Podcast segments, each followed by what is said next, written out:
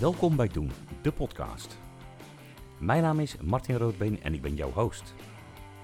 In deze podcast hoor je door de verhalen heen dat jij in de basis alles al hebt wat je zou willen en dat je door te doen daar kunt komen waar jij wilt. Dit kan op allerlei manieren. Eén ding, doe het altijd op jouw manier. Daar staat Doen een stap verder voor. Als je meer wilt weten over Doen en haar missie, ga dan naar de website doen-eenstapverder.nl.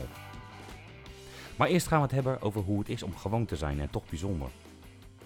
In deze aflevering hebben we het over contact. Wat is contact? Echt contact en wat kan je hiermee? Mijn gast is als geen ander in staat je thuis te laten komen. Mede door de zoektocht die ze zelf had. Wat gaaf is om haar te horen vertellen over hoe ze hard volgde. En doet nu wat ze graag wil doen. En wat ik bijzonder vind in deze aflevering, zij was mijn therapeut en nu is ze een vriendin. En dat net zo inspirerend. Misschien zelfs inspirerender. Veel luisterplezier en geniet van dit mooie gesprek. Nou Tanja, daar zitten we met een heerlijk uh, kopje vrouwenpower thee. ja, ik was heel nieuwsgierig. ja. Heel leuk dat je er bent, uh, Tanja. Uh, misschien voor de luisteraars even heel kort vertellen. Tanja uh, ken ik als mijn haptotherapeut. En uh, ik liep eigenlijk een beetje bij mezelf weg, bij, me, bij mijn lijf moet ik zeggen.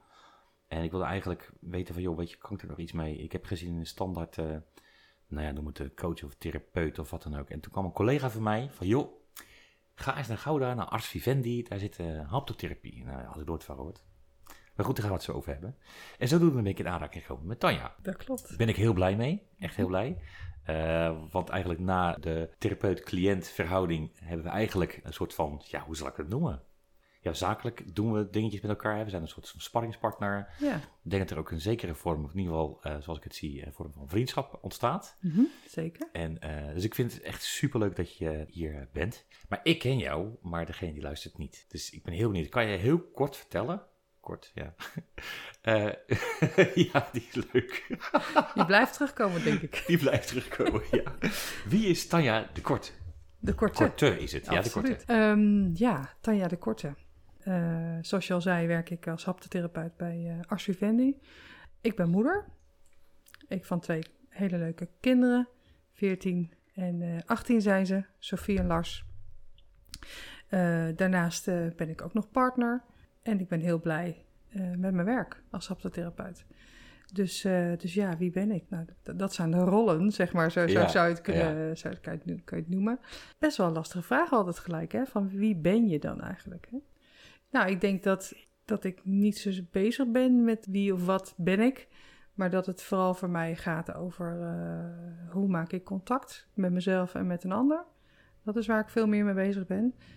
En dat, dat definieert me denk ik dan dus ook meer. Ja. Minder dan wat ik, dat ik daadwerkelijk allemaal onderneem, als wel hoe ik dat doe. En haptonomie sluit daar gewoon echt heel goed bij aan. Ik zag online dat jij eigenlijk gestart bent als uh, fysiotherapeut. Daar heb je ja. ook je opleiding voor gedaan. Klopt. En dan zou je zeggen, ja, fysiotherapie, haptonomie, het ligt wel een beetje in elkaar, elkaars verlengde. Alleen uh, haptotherapie is mij nog veel zachter. Daar gaan we straks even wat dieper op in, want ik denk wel dat het heel interessant is om uit te leggen wat haptotherapie is. Ik heb je uiteraard uitgebreid gegoogeld. Oh, ben ik heel benieuwd nou, wat je tegengekomen bent. We hebben een hele leuke foto, maar volgens mij is je al van een tijdje geleden. Maar ik zag op een gegeven moment Tanja, uh, er stond Tanja zorgzaam vanuit een warm hart, betrokken in contact, stevig in verbinding en duidelijk in aanraking. Uh, jij bent iemand van de verbinding. Die haptotherapie, wat is dat dan en wat doe je daarmee? En wat kan je ermee? Ja, ik zei net al, contact, hè, dat is wel waar haptotherapie over gaat. Over de wijze waarop je contact maakt. Haptotherapie ten opzichte van andere uh, therapieën maakt, denk ik, bijzonder dat, ze, dat dat veelal via de aanraking gaat. He, dus uh, dus dat, dat is echt een uh, soort van, ja, ik wou bijna zeggen speerpunt, maar dat is niet wat ik bedoel te zeggen eigenlijk. Echt een, echt een kenmerk, ja. kenmerk van haptotherapie, dat dat veelal via de aanraking gaat. Um, maar we raken elkaar natuurlijk ook, uh, als het niet letterlijk is, raak je elkaar ook figuurlijk aan, doordat je bij elkaar in de buurt bent. Ja. En via dat contact kun je elkaar eigenlijk alleen maar raken. Ja, als er geen contact is, kun je elkaar natuurlijk ook raken. Ja. Maar over het algemeen, als Ja. er geen contact is, raak je elkaar meestal niet zo positief. En dus, dus eh, contact, dat is waar het over gaat. En elkaar raken, weten wat je zelf raakt. Weten wat je, eh, eh, wat je lijf daarover vertelt. Dat is denk ik heel belangrijk, dat je contact maakt met jezelf. om dus te weten, hoe gaat het eigenlijk met mij? Ja. En, en, en hoe geeft mijn lijf mij nou informatie over wat mijn grenzen zijn, waar ik blij van word, waar mijn verlangens zitten. Dus het is niet, eh, zeg maar, een soort van verplicht dat er die aanraking er is. Mhm. Maar het is eigenlijk de basis als ondersteuning van de therapie aan zich. Ja, ik denk dat het, dat klopt wat je zegt. En tegelijkertijd is het, ieder traject heeft zo zijn eigen eh, interventies, denk Ja. ik. Ja. Dus bij jou was dat eenmalig op de bank en verder veel in het gesprek. Ja. En wat ik daarin heb gemerkt is dat, zonder dat we nou jouw sessies helemaal gaan bespreken, maar dat het Maar hoor. ja, nee, dat is niet waar het hier volgens mij over gaat. Maar dat het ook een beetje afhankelijk is van waar komt iemand in het gesprek. Ja. En ehm, volgens, mij, eh, gaat het, volgens mij gaat het heel erg organisch. En was dat voor jou heel helpend? Om Ja. dat zo via het gesprek zo toch naar binnen te voelen van eh, wat, wat, wat raakt je? Ja. En was voor jou de aanraking daarin niet, eh, niet het meest noodzakelijke? Daar waar sommige mensen in de aanraking pas komen tot hoe zijn dingen voor me? Hoe is het voor mij? En wat merk ik in mijn lijf op? En Ja. dus kortom, wat neem ik waar? En, en wat ervaar ik? En, eh, en dan pas komen mensen bij emoties of bij dingen die ze vasthouden. Of Ja, bij, kan wel eng zijn dan. Want dat is het ook voor heel denk- veel mensen. Ja, je hebt denk ik ook te maken met mensen met trauma's. En dan, dan komen ze bij jou of bij, bij jouw collega's. En dan gaat het over aanraken. Hoe, eh, hoe, hoe is dat? Nou, ik denk dat mensen die daar heel veel, heel veel spanning eh, bij voelen.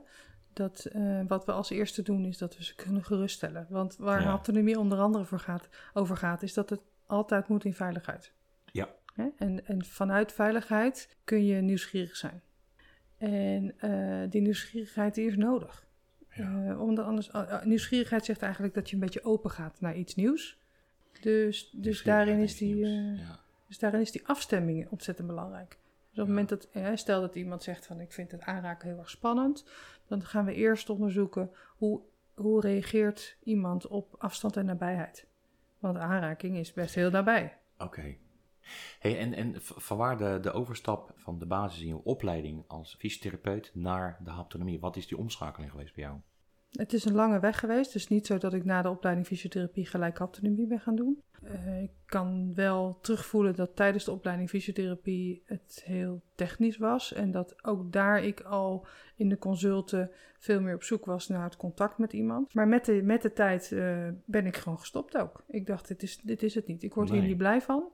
Nou, eh, een hele lange omzwerving en uiteindelijk eh, kwam ik zelf bij een haptotherapeut. Hè, dus, Ah, dus daardoor heb ik letterlijk ervaren van... Oké, dit, is, eh, dit is wel heel cool. En vervolgens was ik moeder en alleen intussen gescheiden. En eh, wat op zich een prima keuze was. Maar waarvan ik wel dacht, ja, en wat ga ik dan nu doen? Hè, ik ben fysiotherapeut, dat wil ik niet meer. Maar ik weet eigenlijk niet wat ik wel wil. En toen dacht ik ineens, nou, dat vind ik eigenlijk altijd zo boeiend. Dat heeft me zo gegrepen. Laat ik daar eens, laat ik daar eens wat meer over gaan, gaan zoeken. Dus toen ben ik naar open dag gegaan. En eenmaal daar wist ik, Om. dit is wat ik Ja. wil. Ja. Dus eigenlijk ben je door, mede door een live event en ervaringsdeskundigheid, heb je de stap gezet richting haptonomie. Ja. Dat is wel mooi. Ja, en gekker nog, terugkijkend weet ik dat ik ook op de opleiding fysiotherapie gewoon een dag heb gehad over haptonomie. En dat ik toen echt dacht, wat is dit? en daar kon ik gewoon nog niet bij. Hè? Dus als je het over ja. hebt van wat is je tijd, en dat is dus ook bij cliënten zo. Ja. Sommige mensen komen en die worden dan gestuurd of zo. Ja, dat moet je gaan doen. En die weten bij God niet wat het is. Nee. Nou, ik heb in mijn, in mijn jeugd en mijn, en mijn jongvolwassenheid heb ik, eh, ik wil niet opscheppen, maar ik denk wel eh 10, 11, misschien wel 12 therapeuten gezien. Mhm. En het waren allemaal slecht, dat vond ik dan. Hè? Dat is natuurlijk niet waar, maar Ja, lekker Jouw- een stukje ja, weerstand. Ja, ja, ja, ja. Nou, ik weet niet of je de vorige ehm, eh, podcast, de aflevering hebt geluisterd met Erika. Je hebt met haar ook een dingetje gehad tijdens een retreat. Dat ik echt zo in de weerstand zat. Maar toen dacht ik ook niet aan de therapeut, maar aan mij. Wel heel mooi dat je dat nu al zo ziet. Ja, Dus dat vind ik al fantastisch. geweldig. Ja, Ja. en ik moet er ook echt om lachen. Ik, Ja, precies. het mooie is wel, nog steeds rust er op, op vormen van therapieën best wel veel taboe. En haptotherapie is redelijk eh, nieuw.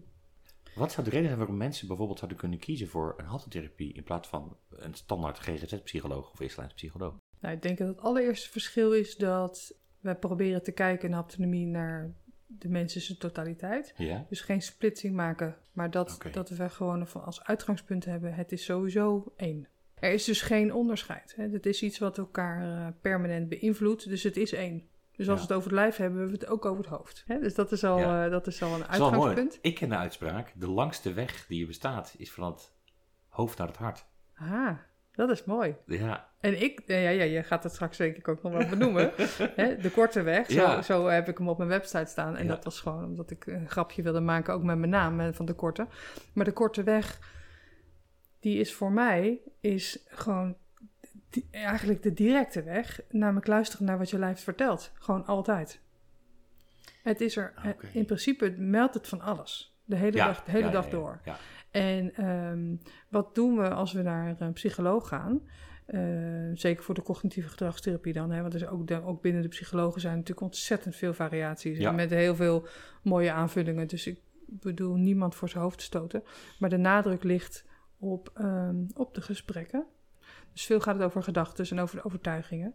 En dat is absoluut ontzettend belangrijk. Ja. Maar wat we bij de haptonomie proberen is om juist dat lijf ook aan het woord te laten. En, Oh, eh, en, en dat past mij heel erg, omdat ik gewoon voel dat dat zo, ehm, zo waardevol kan zijn. Het is zo'n extra kompas wat je erbij krijgt. Ah, Oké, Ja. dus het is een aanvulling van... Ja, Ja. Dus het wordt ook veel gebruikt als mensen gaan soms naar een, naar een, haptothera- of, eh, sorry, naar een eh, psycholoog. En die, eh, die willen daarnaast dan ook nog wat meer het lijf erbij betrekken. Dus dan worden ze vaak doorgestuurd van ga ook nou eventjes naar een haptotherapeut. Maar dat is voor mij wel een soort van, ja, hoe zeg je, dat is wel mijn visie. Dat het gewoon niet alleen staat Nee. op zichzelf. Het hoofd niet, het lijf niet, alles niet. Nee, dat geloof ik inmiddels ook niet meer hoor. Het is wel bijzonder als je dan nu kijkt naar, even los van het praktische, want jullie zijn gelukkig weer open hè, eh, Ja. in corona.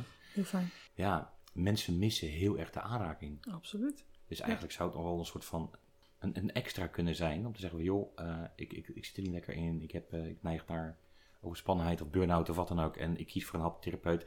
Daar zit de aanraking ook nog bij, Mhm. met daarbij dan, weet je, je hoeft niet per se die hand te krijgen. Je kan ook gewoon de signalen uit je eigen lichaam gebruiken om je beter te voelen. Mhm. Ja, dat klopt. Het is heel belangrijk om te voelen wat heb je zelf aan vermogen. Ja. Om je fijn te voelen.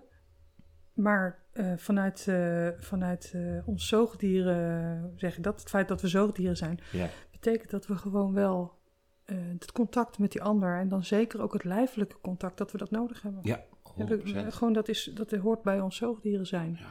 Eh, via die ander voelen we namelijk eh, ons bevestigd, zoals je dat zegt. Zoals, zoals ze dat noemen. Ja, Dus, eh, dus in het contact met die ander, niet alleen op afstand, wat we nu ook, waar we natuurlijk ook heel veel informatie uit halen. Want ik voel ook of het gesprek fijn voelt. Eh, Ja. ik, ik, ik kan natuurlijk voelen of je respect voor mij hebt en dat ik respect voor jou heb en dat we openstaan voor elkaar. Er zijn heel veel dingen die we kunnen voelen. Alleen in het directe contact, daar, dat gaat toch echt, eh, dat gaat anders. heel Ja, anders. Dat gaat veel dieper. Ja.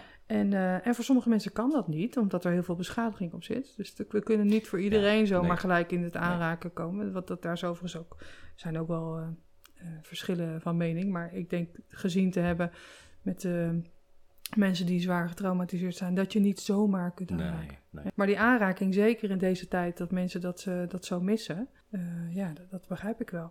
En, Ja. Maar ik wil het ook wel iets nuanceren. We zijn ook veel meer thuis. Ja, zeker. En niet alleen. Dus er zijn natuurlijk mensen die zijn alleen. Ja. Dus die, die mensen, die hebben denk ik extra ingewikkeld. Maar zeker de mensen die een partner hebben, dan wel een gezin. Daar zou je van kunnen zeggen van, je bent heel veel met elkaar. Dus hoezo mis je contact? Ja, En hoezo mis je lichamelijk contact? ja goede vraag. Want doe je dan met je vrienden en collega's meer lichamelijk, heb je dan meer lichamelijk contact dan met je familie? Dat is dan, dat is dan Dat is wel hele bijzondere. Daar heb ik nog nooit zo over nagedacht. Want eigenlijk, daar zou het dus meer tussen je oren gaan eigenlijk. Nou ja, je kunt je op zich afvragen, wat voor contact heb ik dan? Ja. met mensen. En gaat het dan om het lichamelijk contact? Ja, ik snap dat als je eh, single bent en je hebt werk binnenshuis nu verplicht. Ja. Hoe kom je dan aan een, aan een, aan een, aan een lijfelijk contact? Dat is natuurlijk hartstikke ingewikkeld. Ja. Dus voor die groep is het eh, heel, heel moeilijk, denk ik. Ik denk dat het ook heel moeilijk is voor de mensen die in een situatie leven waarbij het dus helemaal niet zo gezellig is thuis. Zeker. Dus die, die hebben dan een soort van. eh, die worden blij als ze even daar weg mogen. Ja. Maar de, de, de mensen die een gezin hebben of dan wel samen zijn, ja, dan vraag ik me dat echt oprecht af. Ja. Maar waarom heb je dat contact? En ik snap echt dat het een verschil is in, de, in het contact met vrienden. Maar als je het hebt over het lijfelijke contact, denk, ik- zie Ja. ik niet alleen maar mensen knuffelen als vrienden. Nee. Dan denk ik dat, dat Nee. Volgens mij werkt dat niet. Nee, nee, dat klopt. Dat is wel heel mooi, want het is ineens een soort van bewustwording. We mogen het niet en zo werkt ons brein ook. Uh, en daarvoor hebben we het nodig. We hebben het sowieso nodig, maar omdat het voorheen kon uh, en mocht, uh, misten we het niet. En nu het niet meer mag, het kan wel, maar het mag niet, zeg maar, ja. missen we het. Ja. Dat is wel heel mooi. Uh, ik haalde het net al aan toen we even heel kort voor de opname spraken, Tanja. Ik haalde het verhaal van antifragiliteit. En toen zei je van, heb ik nooit van gehoord. is eigenlijk groei door weerstand, heel kort gezegd. En het verhaal kwam bij mij voorbij toen ik het boek van Bertolt Gunster las over omdenken. Eh, biologisch gezien, ook als we sporten bijvoorbeeld, hè, de, de, de krachttrainers, de bodybuilders, wat ze doen is zwaar trainen. Wat we doen is heel zwaar trainen. En door het zware trainen zorgen we voor scheurtjes in onze spieren. En ons lichaam werkt zo dat hij zegt van die scheurtjes groeien weer aan. De spieren worden breder of dikker en daardoor krijgen we meer spiermassa. Dat is anti antifragiliteit. Het werkt in de natuur. Uh, knip een tak af van de bomen en uh, groeit de tekens waar terug. Of misschien mm zelfs twee takken. Daar gaat het over bijna een vorm van, eh, ik wil niet zeggen hardheid, maar heel erg doen. Heel erg het duwen. Over de top iets, iets doen. Waardoor je eigenlijk een soort van wond krijgt. En door die wond dat die geneest, wordt het groter en sterker. Dat haptotherapie eigenlijk precies aan de andere kant zit. Uh, hoe moet ik dat zien? Want die antifragiliteit is echt een natuurverschijnsel. En haptotherapie is iets wat zeg maar nu ja, bekend is en wat gebruikt wordt om... Hoe, hoe zit dat dan als je het hebt over groei? Ik denk dat daarin haptotherapie niet heel veel anders is dan elk veranderingsproces. Verandering gaat over, ik, ik noemde net veiligheid, hè, dus binnen veiligheid dingen ontdekken. Ja. En uh, op het moment dat het te veilig is, dan leren we eigenlijk niet zoveel. Maar als, we, als het niet een beetje op die rand gaat van discomfort, dan zit er eigenlijk niet zoveel groei. Nee, is dat is het. Nee, dus het is de, de rand van discomfort. En, en zo zou je dat een beetje kunnen uh, zien, ook met in jouw voorbeeld, denk ik. En ik denk aansluitend daarop, hè, dus je vroeg even naar haptotherapie. Haptotherapie gaat zeker over een bepaalde zachtheid. Ik denk dat wat we heel goed kunnen hier in dit, uh, in dit Westen, om het zo maar te zeggen, is heel kritisch en hard zijn naar onszelf. Ja. En dat het ook echt een manier is geworden die heel lang werd gezien als uh, dat is, uh, je moet vooral niet te mild zijn naar jezelf. Ja. Dan word je hard van ook, hè, zo, alsof je gehard moet worden voor de wereld. Nou, daar, daar ben ik niet zo van. Nee. En daar gaat haptotherapie ook niet over. en haptotherapie nee. gaat juist over, kun je met milde ogen naar jezelf kijken. Ja. En kun je ook zien waar dat niet lukt. Ja. Want het gaat ook niet over dat het op een bepaalde manier moet, naar mijn idee althans. Dat is mijn invulling van haptotherapie. Er is niet één goede manier. Nee. Maar kun je, gewoon, kun je gewoon nieuwsgierig zijn naar zo doe ik het. Kan ik nieuwsgierig zijn naar hoe is het zo gekomen. Maar kan ik ook voelen dat het gewoon is zoals het is. Ja. En daar gewoon veel meer naar inzoeken. Aanraking helpt sowieso uh, je een soort van bewust te worden van je lijf. Want ik had iets hebben over ademhalen. Mm -hmm. Blijf doorademen, bijvoorbeeld als je huilt. Of, maar ook met, met meditatie of yoga of noem maar op. Uh, zeggen ze wel eens, als je met je buik ademhaalt, leg je hand op je buik. Mm -hmm. Dat is eigenlijk een hele basic ding van, je hand helpt je dus te luisteren naar je lichaam. Mm -hmm. En daardoor kan je... Ja, ja. ja, die ademhaling zie ik echt als regulatiemanier, zeg maar. Uh, om, uh, nou adem moeten doen we toch. En als je, maar die stopt ook vaak. Ja. En dus die, die, die, re, die reageert heel erg op wat er gebeurt in ja. jou. En uh, dan kan je twee dingen doen. Je kunt dus zorgen dat datgene wat er gebeurt, dat dat uh, niet is. Hè? Dus dat wat je raakt, dat dat weg, weggaat. Dan stopt waarschijnlijk ook het, het stokken van de adem. Maar ja, ja. dat is lekker makkelijk. Hè? Als alles natuurlijk uh, glad gemaakt wordt om je heen wat ingewikkeld is, ja, dan hebben we nergens last van. Nee. Maar zo werkt het leven Nee. niet. Hè? We worden gewoon dagelijks, worden we, komen we in situaties die ons raken. En dat is ook Ja. het mooie van het leven. Maar soms wordt het een beetje, raakt het ons te veel en dan doet de adem ook mee. Dus wat je veel ziet bij al die ademcoaches en, en, en uh, ademtraining, is dat je dus ook via de buitenkant noemen wij dat. Hè? Dus om het ademen te oefenen, kun je ook merken dat het dus ook iets losmaakt. Ja, Ja, dus je kunt, je kunt van twee kanten kun je het benaderen. Dus ik, ik ben heel erg ook voor de adem, uh, adembegeleiding. Dat vind ik, uh, vind ik mooi. mooi dat er allerlei coaches in zijn. En Ja, ik denk dat dat heel helpend kan zijn. ja, zeker. En waar gaat het over? Ook weer via het ademen kan je zo, kom je bij, bij jou. Ja, absoluut. Wat, wat houdt je bezig? Wat hou je vast? En in jouw geval was denk ik de zachte, adema, de zachte aanraking. Ja, Die, die, die raakte je. ja klopt. Ja, dus een bepaald soort zachtheid, een affectiviteit noemen wij dat dan. ja, ja. Die denk ik wat minder gewend bent. Ja zeker. Die, Ja, eh, ja. waardoor je echt eh, daar bewust van werd van, Ja. oh gosh, dit heb ik... eh, Ik weet dat Daniel ook zei van, ja, maar wat doet ze dan? Gaat ze die de hele tijd aanraken? Ik zei, nee. Ja, Weet je, zo. ik vond het wel heel mooi, maar dat is niet wat het is. Nee. Het, ja, het gaat dus wel, dat, ik haalde net het taboe aan. Soms vind ik het jammer, maar ik kan het aan de andere kant ook begrijpen. Want zeg maar, maatschappelijk gezien is nog steeds een soort van vingertje wijzig naar, uh, vingertjes wijzen er naar therapeuten. Want als je naar een therapeut gaat, dan ben je niet helemaal lekker, ben je niet helemaal goed. Dan heb je een mankement. Wat mis met je? Ja, het gaaf is dus helemaal niet waar juist. Want ook als jij denkt, ik zit heerlijk in mijn wel, ga alsjeblieft aan een haptotherapie, een haptotherapeut. Mm En laat je lekker, eh, ik wil bijna zeggen verwennen. Het is heerlijk als dingen loskomen. Dat is echt waar. Ja. Ik vind het wel mooi dat je dat er nog even achteraan zegt. Als je verwent, dan merk ik dat er gelijk bij mij een soort van alertheid komt. Dat ik denk, verwennen? Ik ben geen uh, wellness type, weet je zo. nee, dus dan komt een soort van, uh, komt er in mij een soort van defense. Nee, het gaat dieper. Het gaat absoluut dieper. Ja, het verwennen is, ik ben het absoluut met je eens dat het heel rijk is om, om naar jezelf te mogen kijken op die manier. Aanraking is voor sommige mensen een brug te ver. Het is een middel, hè? Het is niet iets wat moet. Nee, zeker Kijk, niet. bij een masseuse kan je moeilijk zeggen dat ze je niet aanraakt. Want dat is wat ingewikkeld, want dat is het, zeg maar. En bij haptotherapie is het een middel om dichter bij jezelf te komen. Ja. Ja, wat vind jij lastig? Dat is heel breed. Ik vind heel veel lastig. Oké, wat vind je het meest lastige? Wat vind ik het meest lastige? Hmm. Nou, ik denk dat, dat wat mij het meest belast, zeg maar, is letterlijk mijn gewicht. Oké. Ja. Ik ben op dit moment 110 kilo. Zo zwaar ben ik nog nooit geweest. En nou, dat is wel een last voor me. Letterlijk, maar ook, ook uh, emotioneel. Ja. Ja. En, en dat, dat, dat vind ik het meest lastige nu.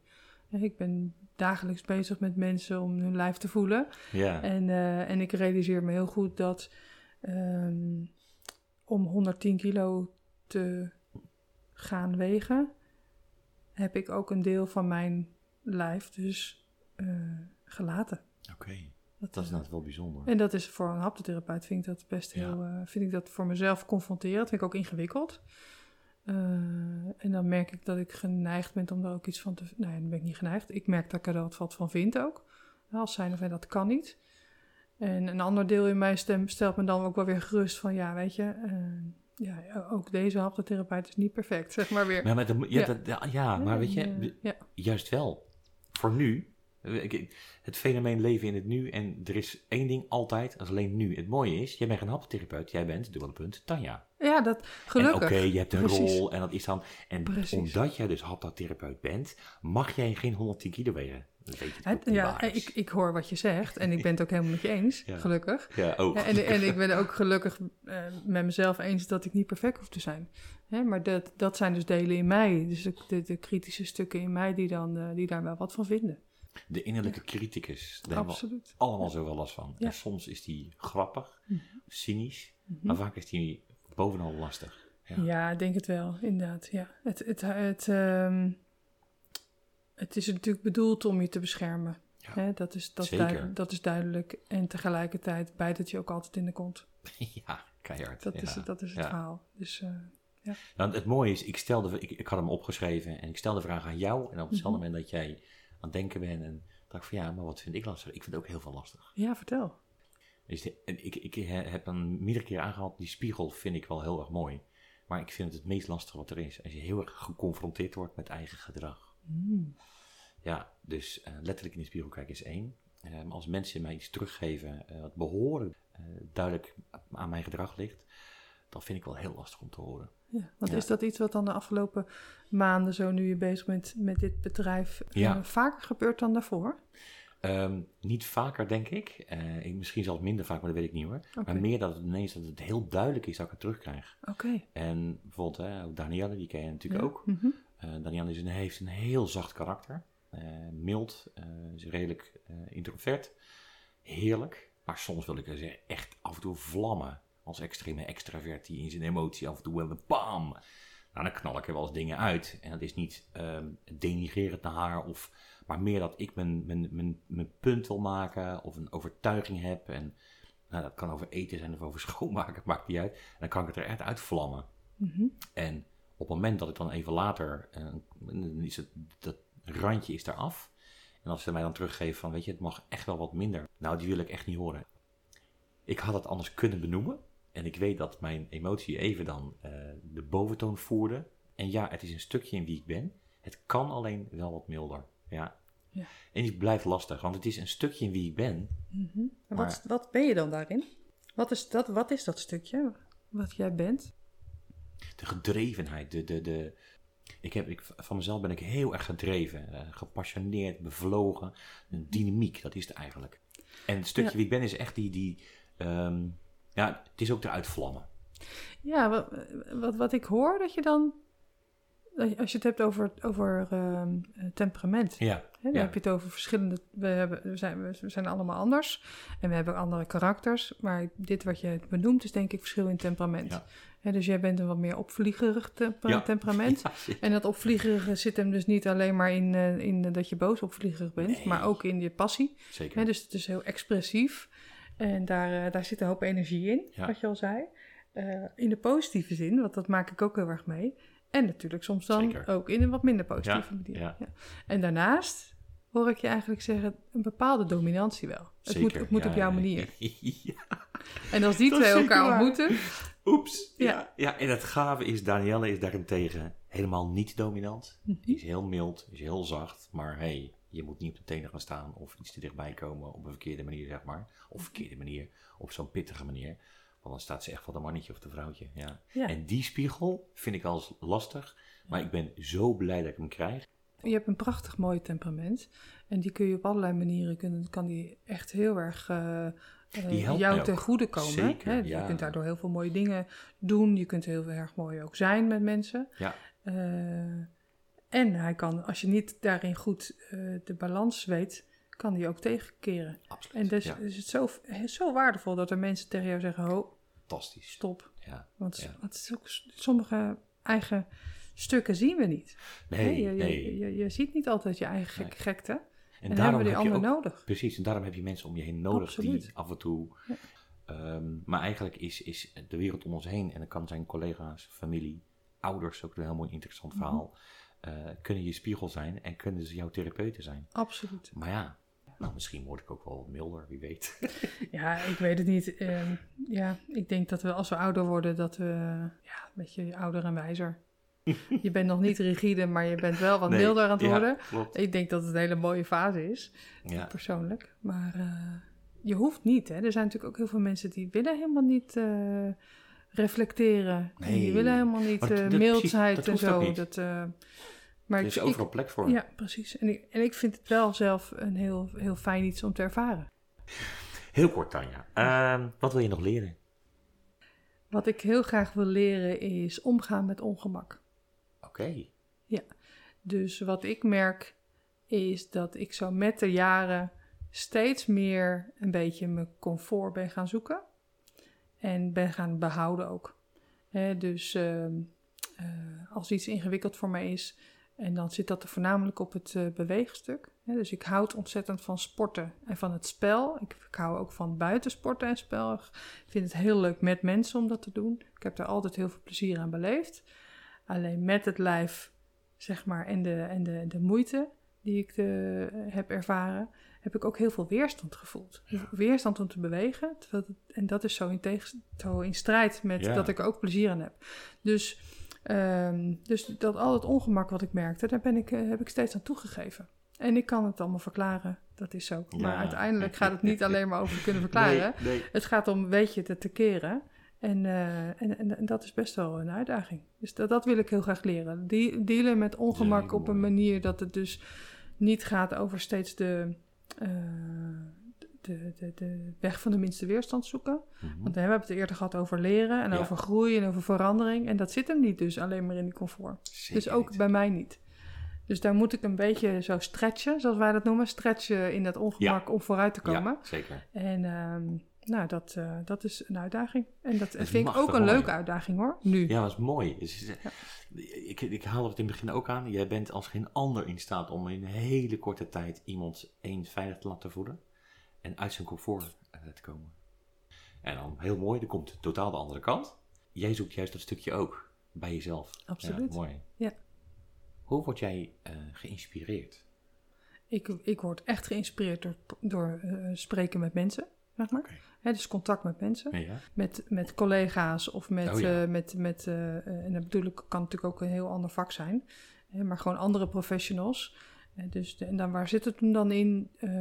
ik denk dat ik graag meegenomen wil worden in iemand anders enthousiasme. Dus dat inspireert altijd.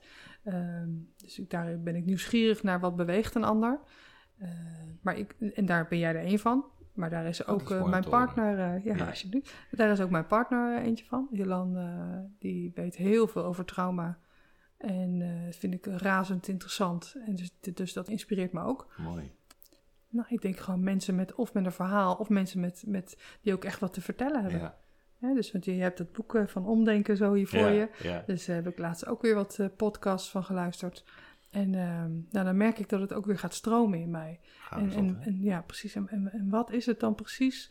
Ik denk die bevlogenheid, wat jij vertelde over hoe jij bent en hoe jij met, omgaat met jouw nieuwe uh, bedrijf, met doen.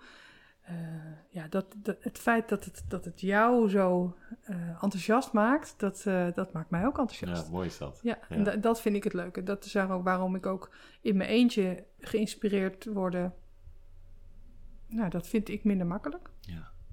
Dus dan, dat is herkenbaar hoor. Ja, ik laat me graag inspireren door andere mensen. En, en ik denk, als ik zo naar jou luister, uh, naar hoe wij met elkaar uh, contact hebben gehouden, op een gegeven moment de consulten, hè, dat, dat proces hebben beëindigd en door zijn gegaan, um, denk ik dat we elkaar hebben weten te inspireren. 100%. Ja, dus door te brainstormen of door gewoon elkaar mee te nemen in, in, in, waar ben je, wat ben je aan het doen. En uh, ja. dat, dat vind ik mooi. Gaaf, dat vind ik heel gaaf om te horen. Ja. ja.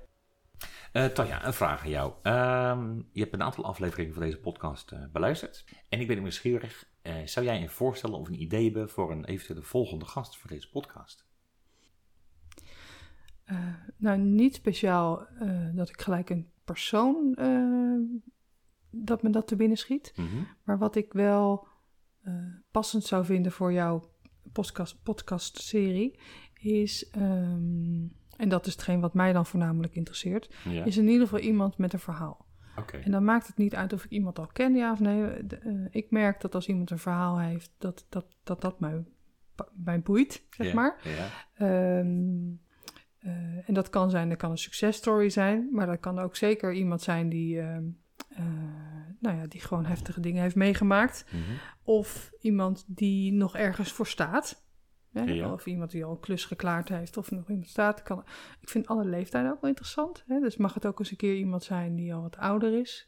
Die soort van terugkijkt op zijn leven. Dat is interessant. Ehm, en, en misschien juist ook eens een keer dan uh, daarna of tegelijkertijd een gesprek met die twee verschillende leeftijden, vriend en puber. Of, of juist een beetje jongvolwassenen. ja. Dus samen misschien aan tafel. Hè, die, die, leuk, gener- die generaties. Dat vind ik een ook een leuk. leuk idee. Dus, dus de korte waar het om gaat is dat mensen met iets komen van zichzelf waar ze, ehm, waar ze op kunnen reflecteren. Zodat ik als luisteraar, of als hoe zeg ja, luisteraar mee Ja, kan voelen van wat er dan zoal heeft eh, plaatsgevonden. Dat vind ik eh, heel dat, gaaf. Dat vind ik leuk. die had ik nog niet bedacht. Ik had wel bedacht van inderdaad een aantal of, of verschillende leeftijdscategorieën, maar jong en oud bij elkaar. Dat is heel leuk. Cool. Nou ja, ik, ik zag ehm, volgens mij eh, jouw Facebook en daar stel je jezelf voor. Ehm, en ehm, ik zei het net al, zorgzaam, warm vanuit hart betrokken in contact. En jij sluit af na stevig in verbinding en duidelijk in aanraking. Daar zeg je als laatste stukje, laat je thuiskomen. En ik las hem als Tanja helpt jou om je thuis te laten komen. En dat doe je dan als haptotherapeut. Mhm. Nou, als je kijkt als eh, mens Tanja en als eh, levenservaren Tanja, wat zou jij kunnen meegeven aan degenen die luisteren? Hoe kunnen ze thuiskomen? Nou, voor mij betekent thuiskomen dat je je bewust wordt van wie je bent. Mhm. En dan nogmaals niet over het doen, hoewel natuurlijk eh, wat je doet en hoe je de dingen doet ook wel degelijk is wie je bent. Ja. Maar ehm, eh, dat dat niet het enige is, maar dat je ook contact maakt met hoe je je voelt. Dus hoe kom je thuis? Eh, in mijn beleving is dat er door stil te staan bij hoe je in het moment, hoe je voelt. En ehm, hoe doe je dat? Nou, we zien het vaak natuurlijk via de meditaties. Eh, maar dan kan het vaak nog gaan over een geleide meditatie. Dus dan luister je ergens naar een tapeje of een bandje of een, eh, of een filmpje of iets dergelijks. Maar dan ben je ook een beetje gericht op buiten. Terwijl dat, ik ben nou juist zo nieuwsgierig naar wat zit er, wat, wat, wat beweegt jou in jou. Ja. En dat kunnen gedachten zijn, dat kunnen gevoelens zijn, dat kunnen ruimte in jou. Uh, dus het gaat er niet over dat je dan thuis komt en dat het dan weer perfect is. Hè? Dus dat je mhm. alle ruimte hebt in je lijf en dat je precies voelt waar je grens zit en dat je binnen de grens gebleven bent. Dan allemaal dat wat allemaal fantastisch kan zijn. Maar kun je gewoon thuiskomen met wat er is. Wauw, dat is wel een hele mooie. Kan je gewoon thuiskomen met wat er is? Met wat er is. Ja. Dat is en de ene dag betekent dat dat je denkt, ja. het was een zware dag, want ik heb alleen maar achter de Zoom gezeten. En de volgende dag is het, uh, het was een hele fijne dag, want ik heb de hele dag achter Zoom gezeten. Ja. en maar de volgende dag is het, uh, is het gewoon dat je denkt, oh, wat, wat, wat is het eigenlijk heerlijk in mij, want de zon schijnt en het voorjaar begint. En ik heb de deur opengezet en ik voel in mij dan gelijk, oh, de ruimte die er ontstaat. En de, de, vogeltjes die maken me rustig. En, en dat is ook thuiskomen. Iedereen kan het op elk moment van de dag. Absoluut. En altijd. Uh, wat jij nu zegt is eigenlijk heel eenvoudig, is heel simpel. En in het boek van uh, Bertolt Gunster uh, zet er een quote. En die, uh, Bertolt zegt: De dingen simpel houden is vrij moeilijk. De dingen moeilijk maken is daarentegen vrij simpel. Ben ik het helemaal mee eens. Dat is ik wel een mooie afsluiter. Dat is een mooie afsluiter. Hartstikke Tanja, heel erg bedankt. Heel graag gedaan en heel veel succes. Dankjewel.